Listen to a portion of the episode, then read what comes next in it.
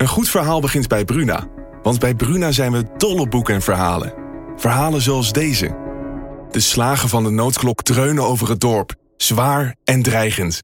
Ze overstemmen de gemoedelijke drukte op de markt. En alle handelingen vallen stil. Wat zou er aan de hand zijn? vraagt Oda ongerust. Wil jij weten hoe dit afloopt? Je leest het in Bloedlijn van Simone van der Vlucht. Nu bij Bruna.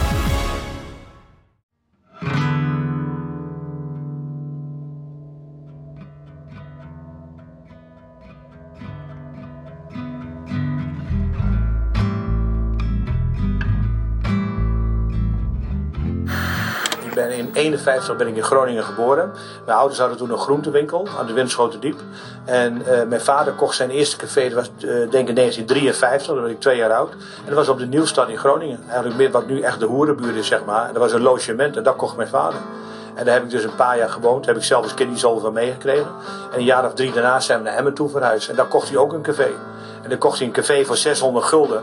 En er kwamen alleen maar mensen van de woonwagenkamp kwamen daar. Niemand durfde dat café te kopen. Mijn vader kocht dat. En de, de, dus uh, ja, dat was mijn eerste ervaring met horeca.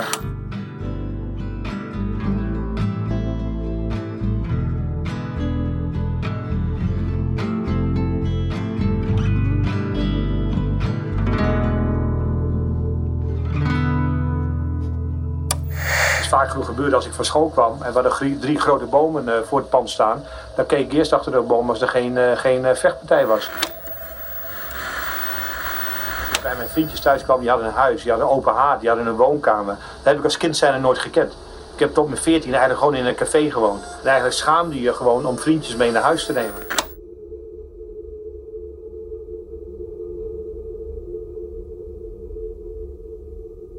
Het is 1965. De vader van Sjoerd is het ongure café in Emmen alweer zat.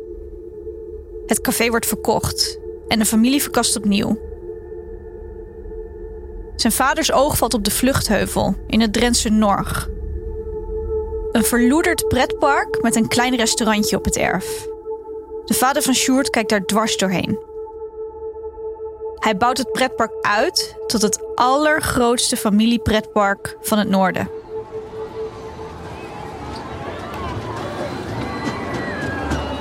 Hier kan je uren spelen in de grote speeltuin. Midden in het park staan gigantische glijbanen. Je kan schommelen tot je er misselijk van wordt en eindeloos op ponies rijden. Maar er zijn ook andere dieren, buitenlandse dieren. Antilopen, puma's, tijgers, apen, beren en flamingo's. Dieren die de meeste mensen nog nooit van hun leven hebben gezien. Er hangen foyeres waarin je kakatoes en papegaaien uit verre exotische landen kunt bekijken. Niemand weet dat deze papegaaien eigenlijk geverfde duiven zijn uit Amsterdam. Maar dat maakt ook helemaal niet uit. Want het is altijd bomvol in de vluchtheuvel. Bussen vol schoolkinderen stoppen iedere dag voor de hekken van het park. Iedereen uit het noorden weet wat de vluchtheuvel is. Sjoerd zijn vader kan niet lang genieten van het pretpark dat hij heeft opgebouwd. Hij wordt ernstig ziek. Sjoerd is 16 jaar als hij moet stoppen met school. Het is te druk in het pretpark. Hij moet zijn vader helpen. Hij moet de vloer schrobben, in de bediening meehelpen en de tijgers voeren. Doodeng vindt hij het. Sjoerd moet in de jaren die volgen keihard werken om de boel draaiende te houden. Nou, wat ik ervan geleerd heb is, is uh, uh, ja, dat je voor jezelf moet opkomen. Dat de wereld hard is. Dat je, dat je in geval van nood dat je op weinig mensen kunt rekenen. En dat je toch uh, ja, goed voor jezelf moet opkomen. En dan, op een middag komt er een oudere man bij hem aan de bar zitten. Hij stelt zich voor als Leen Goudzwaard. En hij vraagt aan Sjoerd: Wat zou jij nou echt graag willen? Sjoerd twijfelt geen moment. Een kroeg beginnen. Maar niet simpelweg zo vader, zo zoon. Sjoerd zou het groter en beter doen dan zijn vader. Meer kroegen, meer geld, meer gezelligheid. Zodat hij zich nooit meer hoeft te schamen voor waar hij vandaan komt. als hij het geld zou hebben, dan zou hij het meteen doen. Leen Goudzwaard kent Sjoerd niet. En Sjoerd kent Leen Goudzwaard niet. Maar Leen verstrekt kredieten. Dat is zijn werk. En hij zegt die middag nog: Ik ga jou 25.000 gulden lenen en dan kan jij aan je droom beginnen. Het is niet veel later dat Sjoerd zijn allereerste kroeg in de stad Groningen koopt. Bommenberend. En daar, eind jaren 70, midden in de studentenstad Groningen, begint Sjoerd aan zijn horeca-imperium.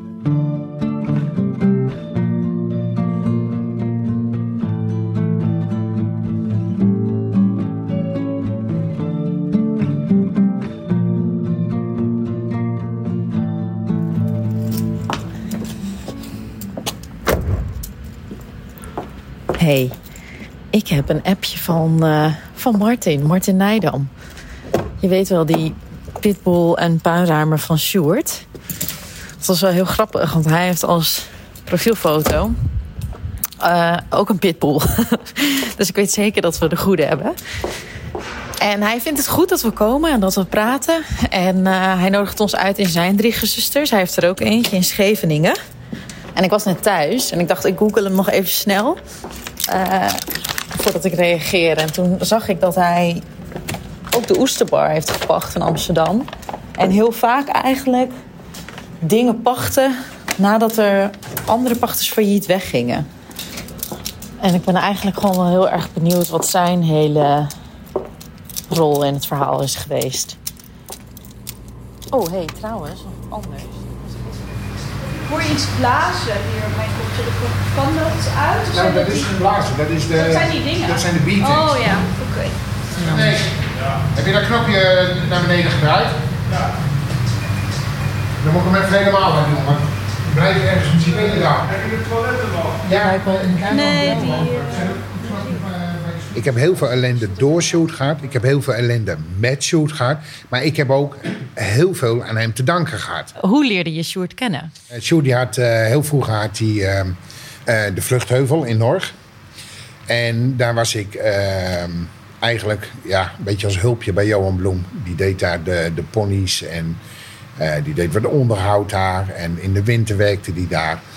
En ik was eigenlijk een een voetbalratje, een uh, hooligan. Ja, uh, er waren zoveel dingen die ik wel wist en anderen niet wist. Maar hij zei ook altijd tegen mij: Jij bent de enige, Martin, die zijn mond houdt. En dat was heel belangrijk, want uh, een uitspraak van hem was ook altijd: van, Er is geen grotere lulfamilie dan de horecafamilie. En dat klopt ook. Alles wat altijd rond hem heen liep en draaide, ik had altijd de indruk, dat was altijd alleen maar voor één ding, dat was voor geld. Maar denk je dat, ik weet het niet zo goed, want ik vind het moeilijk om te achterhalen. Denk je dat hij een, een, een fijne jeugd heeft gehad? Eh, mijn mening, maar dat is ook echt mijn mening. Ja. Ik denk dat Sjoerd uh, in zijn jonge jaren nooit heeft kunnen verkroppen dat hij homo was. Ik denk dat hij daar heel erg mee gestruggeld heeft. Ik, ik zei altijd, er zijn twee soorten Sjoerd. Je hebt Sjoerd die in Nederland uh, is, dan is het gewoon een dikke, robuuste kerel. Ja, echt een kerel. En ik zeg wel eens tegen mensen van... En dan bracht ik hem naar Schiphol. En dan stapte hij uit de auto, pakte hij zijn koffertje... en dan ging dat kontje weer heen en weer. Zo zei ik het altijd. Ik denk dat hij eh, altijd moeite mee heeft gehad... ondanks dat hij niet zei maar dat hij homo was. En dat hij het gevoel had dat hij daarop niet afgerekend werd... maar dat hij daar anders door werd behandeld. Uh, ja, Tegenwoordig kun je dat niet meer voorstellen. Maar toen, ja, er werd er anders tegen aangekeken. En dat voelde je. Wat merkte je dan? Wat voelde je dan? Ja, mensen die, die, die je voelde dat ze om je heen gingen lopen. En uh, je, je, in de winterseizoen hadden wij veel bruiloften. En de bruiloften begonnen uh, af te nemen. En men werd zeggen, ja, dat is een flikker. Weet je wat dat het een flikker is? En uh, god, dat wist ik niet. En die vent ziet er zo gewoon uit. En is toch geen flikker. Ja, hij woont daar met een man samen. Die man waar hij mee samenwoont? Dat is Rob. En Rob, hij was waarschijnlijk de eerste grote liefde van Sjoerd. Nu je dat vertelt, van dat, hij, um, dat hij dat misschien lastig vond dat hij homo was, lijkt hem ook wel extra bijzonder dan voor hem die eerste relatie. Dat moet wel heel veel hebben betekend. Ja, ik was toen nog heel jong. Eh, maar dat was met, eh, met Rob. Rob was een hele fijne man. Dat is echt een hele fijne man. Heb je hem gekend? Ja, ik heb hem heel goed gekend zelfs. Ja. Sjoerd had een boot en die was wit. En dan moest ik elke maand moest ik naar die boot toe. Die boot die moest namelijk elke maand aan de buitenkant gepoetst worden. En in die tijd had je dus uh, turtlewax. En daar moest je dan die boot mee poetsen. Maar dat was echt een takkenklus. Want dat moest je eerst insmeren. Dat droogde op. En dan moest je het helemaal uitpoetsen. Maar je had ook dat vloeibare spul. Maar van Sjoerd moest dan, moesten we dat met dat poederspul doen. En dat moest en dat mocht niet anders. En dan kwam Rob langs en dan zei hij, waarom doe je dat met dat poederspul? En dan zei ik, ja, maar dat moet van Sjoerd. En dan zei Rob, jongen, dat slaat helemaal nergens op. Want als we dat andere spul gebruiken, dan ben je binnen uur klaar. En dan zei ik, ja, maar dat mag niet. En dan ging Rob naar Sjoerd, doet het niet zo dom, jongen, dat spul moeten ze gebruiken. En dan was hij, nee, oké, dat is prima, weet je. Dus uh, uh, Rob, die had, een, uh, zover ik mij dat nog heel goed kan herinneren... die had een hele goede invloed op, op Sjoerd. En ehm, dat is ook eeuwig zonde dat hij overleden is in die tijd. En overleden aan, aan een ziekte, toch? Kanker. Ja. Ja, in die tijd werd, bepaalde ziektes onder kanker uh, gegooid.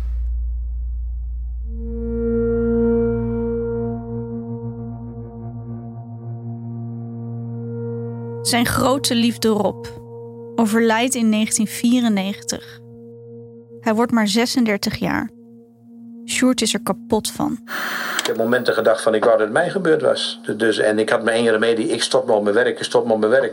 En ik heb zoveel verdriet daarvan gehad, dat ik eigenlijk, eigenlijk, eigenlijk dat verdriet helemaal niet wilde hebben. Dat ik alleen maar heb gewerkt, dat ik er niet over na kon denken.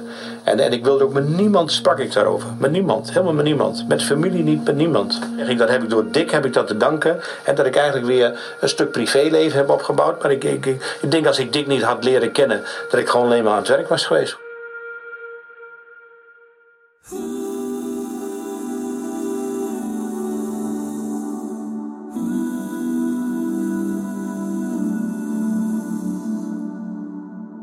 Dick Loorbach. Dat is de man die Sjoerd vrij kort na het overlijden van zijn geliefde Rob ontmoet. Dick is dan 19 jaar en studeert in Nijmegen. In het boek van Henk Willem en Joost zien we een foto van Dick en Sjoerd samen. Dick zit op een grote leren Chesterfield stoel en Sjoerd staat achter hem. Dick is een prachtige, lange, zongebruinde man met goudblond haar. Hij moet wel een model zijn. Hij straalt een bepaalde zelfverzekerdheid uit. En Sjoerd? Hij lijkt wel trots. Voor in hoeverre je dat van een foto kan zien natuurlijk.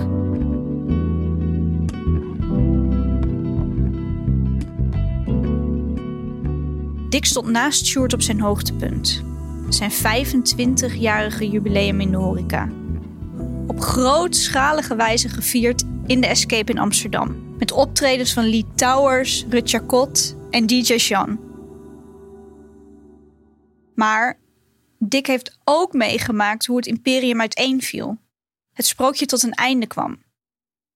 En hoe Sjoerd er de laatste dagen voor zijn dood aan toe was. Of hij in staat was om zelfmoord te plegen.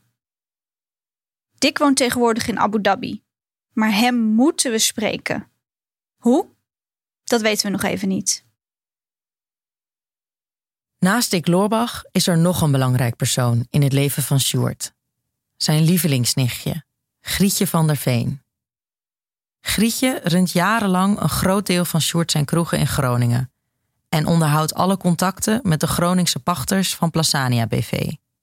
Het bedrijf waar alle horecazaken van Sjoerd onder vallen. Zij weet vast waarom hij zo hard kon zijn en waarom hij besloot uit het leven te stappen. Moeilijke vragen, die we haar graag willen stellen.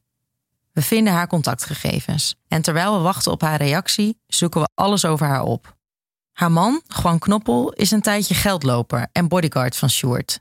Dat lezen we in het AD. Juan Knoppel overleeft in 2002 zelfs een liquidatiepoging. Hij wordt neergeschoten in zijn eigen voortuin. Iets met een ruzie over geld. En er wordt zelfs gesuggereerd dat Sjoerd achter die liquidatiepoging op Gwan zit. Maar daar is nooit bewijs voor gevonden. Grietje woont tegenwoordig samen met haar man en kinderen in het Groningse dorp Glimmen. En daar gebeurt op oudejaarsavond 2019 dit. Ik zeg een hele goede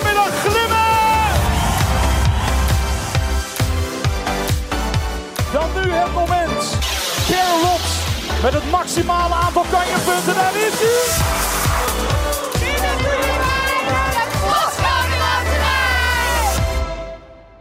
Gwan en Grietje winnen de postcode loterij. Ze zijn miljoenen rijker. Het lijkt alsof ze zich helemaal heeft teruggetrokken uit de voormalige zaken van Sjoerd. En Grietje laat ons weten dat ze niet mee wil werken aan deze podcast. Ze wenst ons veel succes.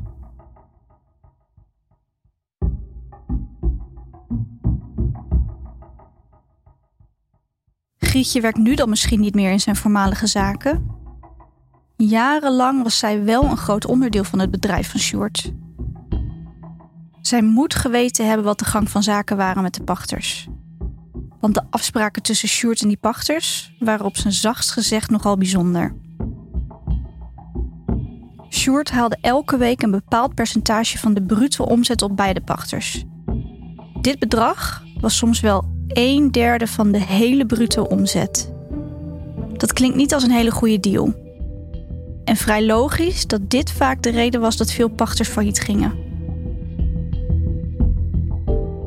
En dit was precies datgene waar Sjoerd berucht om was. Want was het nou gewoon slim zaken doen? Of probeerde hij ondernemers bewust te ruïneren?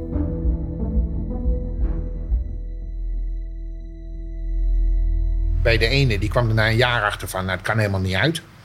Eh, nou ja, dan werd er over het algemeen, als het een normaal verhaal was waarmee je kwam, dan paste die ook wel bij met geld. Dan gaf hij je wel geld of hij zei van, joh, betaal even tien weken geen pacht. En dan ben je er weer en dan zien we eind volgend jaar wel weer verder. Ehm, maar je hebt ze had ze er ook tussen in die tijd. Die hadden nog een studieschuld staan. En in die tijd de Belastingdienst, UWV eh, en pensioenfonds... die kwamen soms pas na een maand of vijf, zes... dat ze eens een keer aanklopten van... je moet ook gaan betalen. Dus wat zag je bij eh, heel veel ondernemers? Die hadden zo'n pak geld, maar die hadden maar zo'n stapeltje aan facturen liggen. Dus die dachten van, weet je, ik betaal ook nog even mijn studieschuld af. Ik koop ook nog maar even een nieuwe auto. En eh, die, dat soort mensen, die lopen als hardste te schreeuwen... hoe oneerlijk Sjoerd wel niet is geweest. Kijk, en begrijp me niet verkeerd. Ik bedoel, ik heb ook wel eens gehad dat ik tegen Sjoerd zei... dat kan je niet maken wat je hier doet. Je hebt diegene beloofd dat je hem zou helpen. En dan zei hij gewoon, ja, je moet gewoon je bek houden, dat snap jij niet. Wat voor rol heb je dan in jullie relatie? Ehm, ja, ik was zijn troubleshooter. Dus ik loste alle problemen op. Dus als Sjoerd 's ochtends uit bed kwam... en dit zijn voorbeelden die echt gebeurd zijn... en dan belde hij mij om half zeven 's ochtends... en dan schreeuwde hij door de telefoon... dat een bepaalde pachter...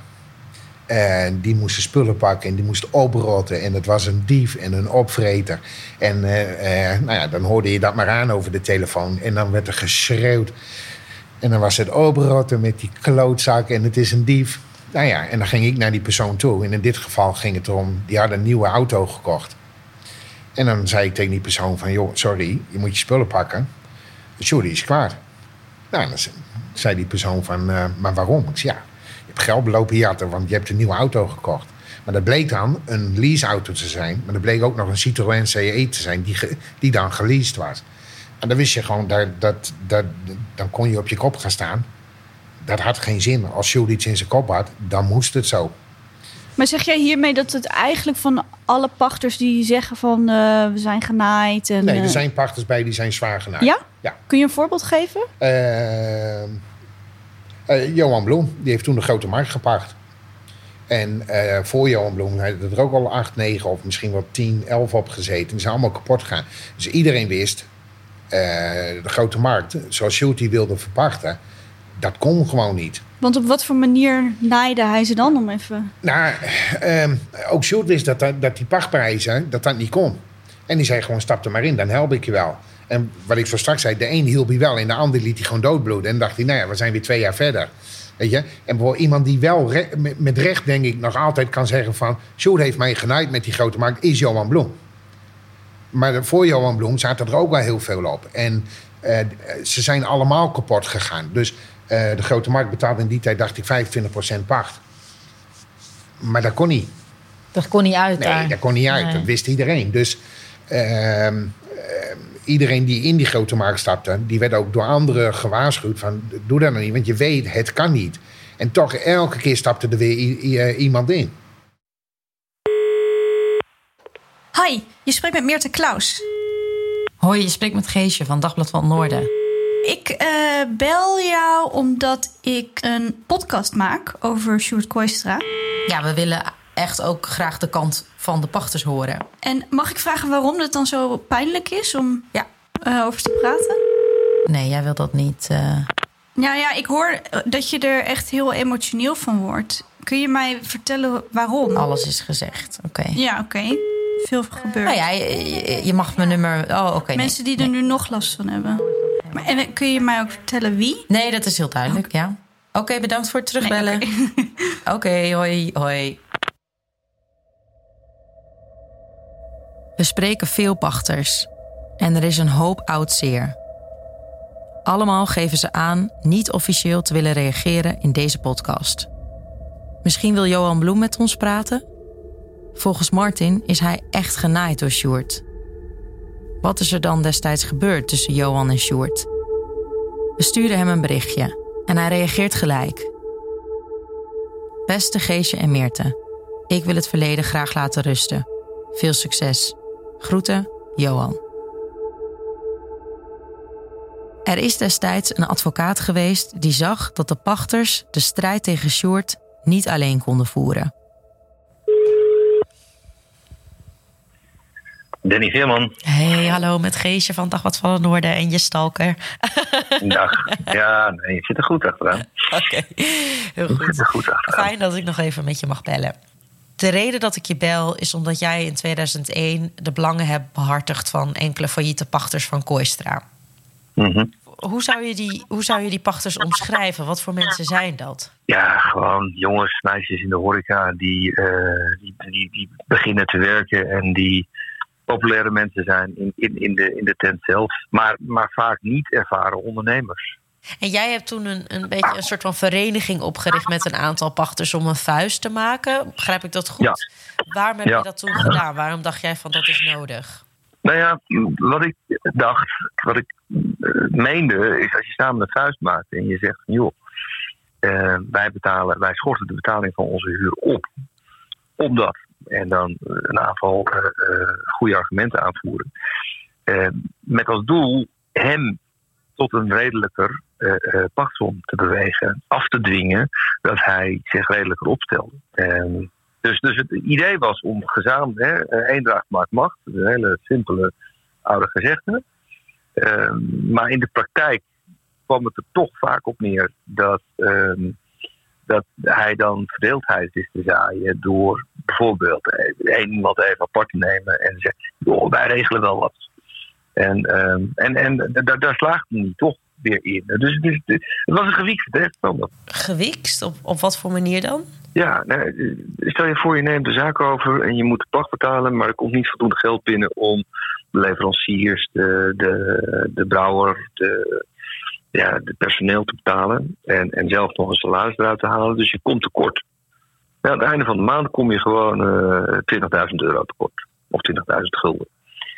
Ehm, dan was er een speciale rekening eh, waar die, die pachter dat geld dan, dan mocht opnemen om rond te komen om te zorgen dat iedereen betaald werd. Alleen, het was wel een schuld.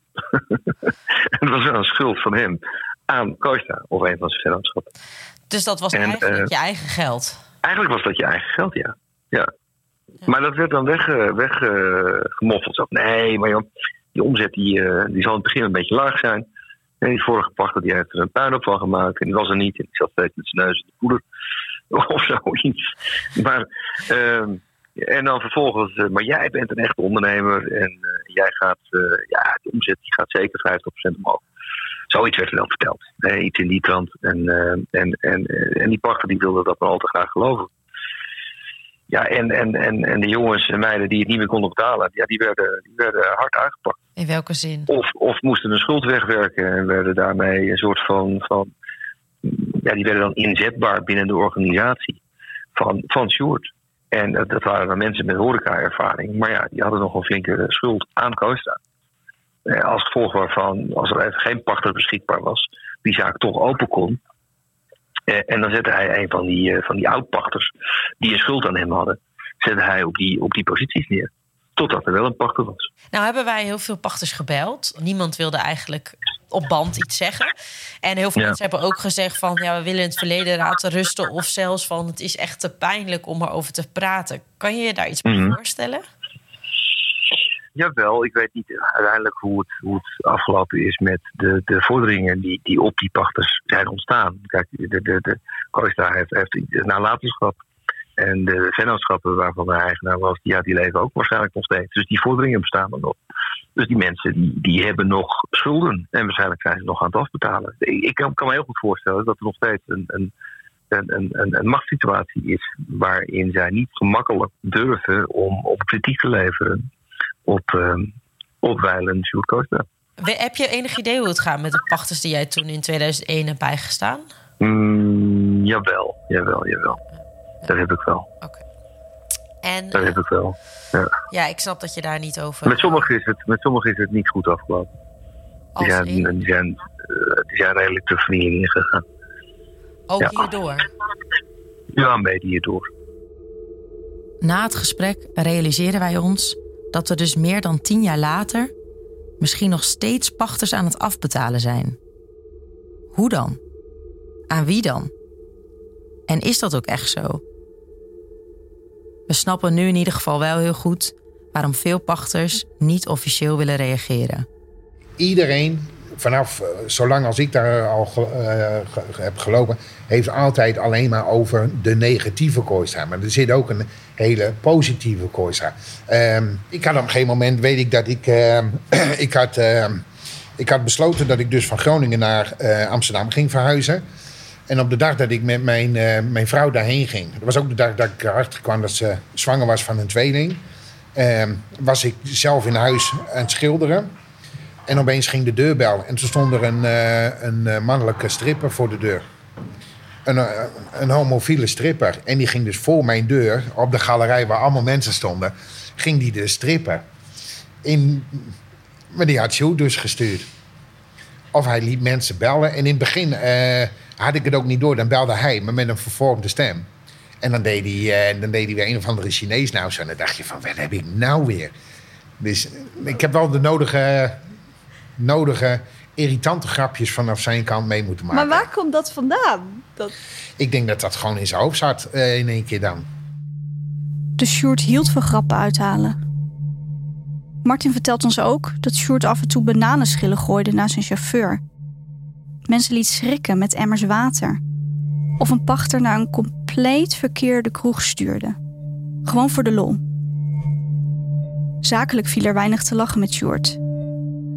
Dan was hij blijkbaar keihard, achterdochtig en probeerde altijd het onderste uit de kant te halen. Dat deed hij niet alleen bij de kleine spelers. Hij zette die tactiek ook in bij de grote jongens. Zo ook bij Heineken. En wanneer had je het gevoel en waarom van het gaat niet goed meer? Hij kwam in 2008. Toen kwam hij eh, bij mij en toen zei hij van... nee dan, nou heb ik een kip met gauw ei gevonden. Toen zei ik, nou, wat ga je doen? Toen zei hij van, we gaan aan Heineken verhuren. En toen vroeg ik, ehm, hoe zit die constructie in elkaar? En nadat hij dat uit had gelegd, toen zei ik van... Sjoerd, Sjoerd was namelijk altijd meester in om iedereen duidelijk te maken. Dan zei hij, dit en dit, dat is het begin van het einde van je eigen bedrijf. Dat zei die standaard. Dus ik zei tegen hem, ik zei, nou, ik heb er niet echt een goed gevoel over. Ik zei, ik denk dat dit het begin van het einde van je eigen bedrijf is. En, uh, maar dat snapte ik allemaal niet. En dat ik, uh, uh, hij zou me dat nog wel een keer uitleggen hoe dat in elkaar zat. Nou, en eh, helaas heb ik daar, daar gelijk in gehad. Het is het voorjaar van 2010. Sjoerd is aan het herstellen van een mysterieuze buikwond. Hij zegt dat hij is neergestoken op Ibiza. Ik heb dat verhaal, het zal ongetwijfeld waar zijn. Maar het was, ik zou er ook niet van staan te kijken als hij nu zou zeggen... Hey, was een kulverhaal. Op een gegeven moment hoorde ik dat en toen had ik hem, zover ik nog weet, al weer een paar weken niet gesproken. En toen belde hij en toen zei ik van, ben je neergesteld? Ja, ja, ja, laat me nee dat, uh, dat is allemaal niet zo belangrijk. Ondertussen gaat het conflict met Heineken niet voorbij. Sterker nog, het loopt hoog op. Zijn huis hangt vol met post-its met bedragen die hij nog van Heineken moet krijgen. Ze moeten er toch samen uitkomen? Er valt vast nog wel wat te regelen. Maar de directeur van Heineken, Philip de Ridder, neemt zijn telefoon niet meer op. Sjoerd rijdt naar het huis van Philip de Ridder, meerdere keren zelfs. En dan staat hij daar, voor dat huis, hopen dat hij met Philip kan praten. Maar kan dit nou maar dragen sprong? Sjoerd wordt steeds wanhopiger. Zijn omgeving vraagt zich af waar hij mee bezig is. Het leek wel dat hoe minder geld er binnenkwam, eh, de hele horeca kreeg een enorme klap. Hoe minder geld er binnenkwam, hoe meer geld Sjoerd ging uitgeven. En niet alleen aan kroegen en huizen. Er zouden ook miljoenen naar Sjoerd zijn minnaar Ruben gaan. Dat is tussen Sjoerd en Ruben. En eh, het enige wat ik daarover wil zeggen is dat eh, wat ik daar ooit eh, mee te maken heb gehad, is dat ik alleen één keer voor Sjoerd eens een keer ergens een stuk grond heb betaald. En voor de rest, en dat bleek dus voor Ruben te zijn. Maar dat wist ik pas achteraf. En voor de rest, eh, ja, is niet aan mij denk ik om daar commentaar op te geven. Wat is er toch gebeurd in het voorjaar van 2010? Was Sjoerd zo wanhopig? Had hij zich in zulke grote en gevaarlijke nesten gewerkt dat een einde maken aan zijn leven de enige uitweg was?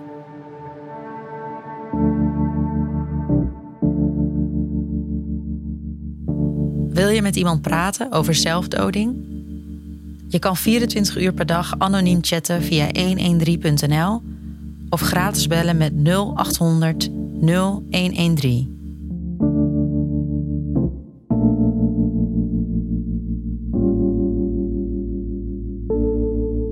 Het raadselachtige van die man was ook dat hij uh, was een keer mee. Toen hadden we een feest volgens mij in Groningen. Moest je verkleed komen of als prostituee of als pimp. Verschrikkelijk, ik weet dat we uit de bus kwamen bij een benzinestation. Dat die mensen dachten echt, het is een gekkenhuis, is losgelaten. En ik weet, daar hebben we nog een, jongen aan hem voorgesteld. Hij zei dan, oh, dat is een aardige jongen, er zit ook wel wat in. En voor. Nou, dan bleek hij er al twee jaar verhouding mee had.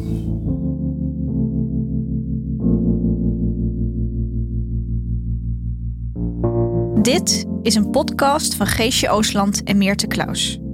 En is gemaakt voor het Dagblad van het Noorden. Eindredactie is in handen van Astrid Cornelissen. En je bent vast benieuwd wie die fijne muziek en eindmix heeft gemaakt. Dat is Rudy McKay. Tot slot zijn wij het Mediafonds van de provincie Groningen en het Fonds voor Bijzondere Journalistieke Projecten heel erg dankbaar voor de financiële bijdrage.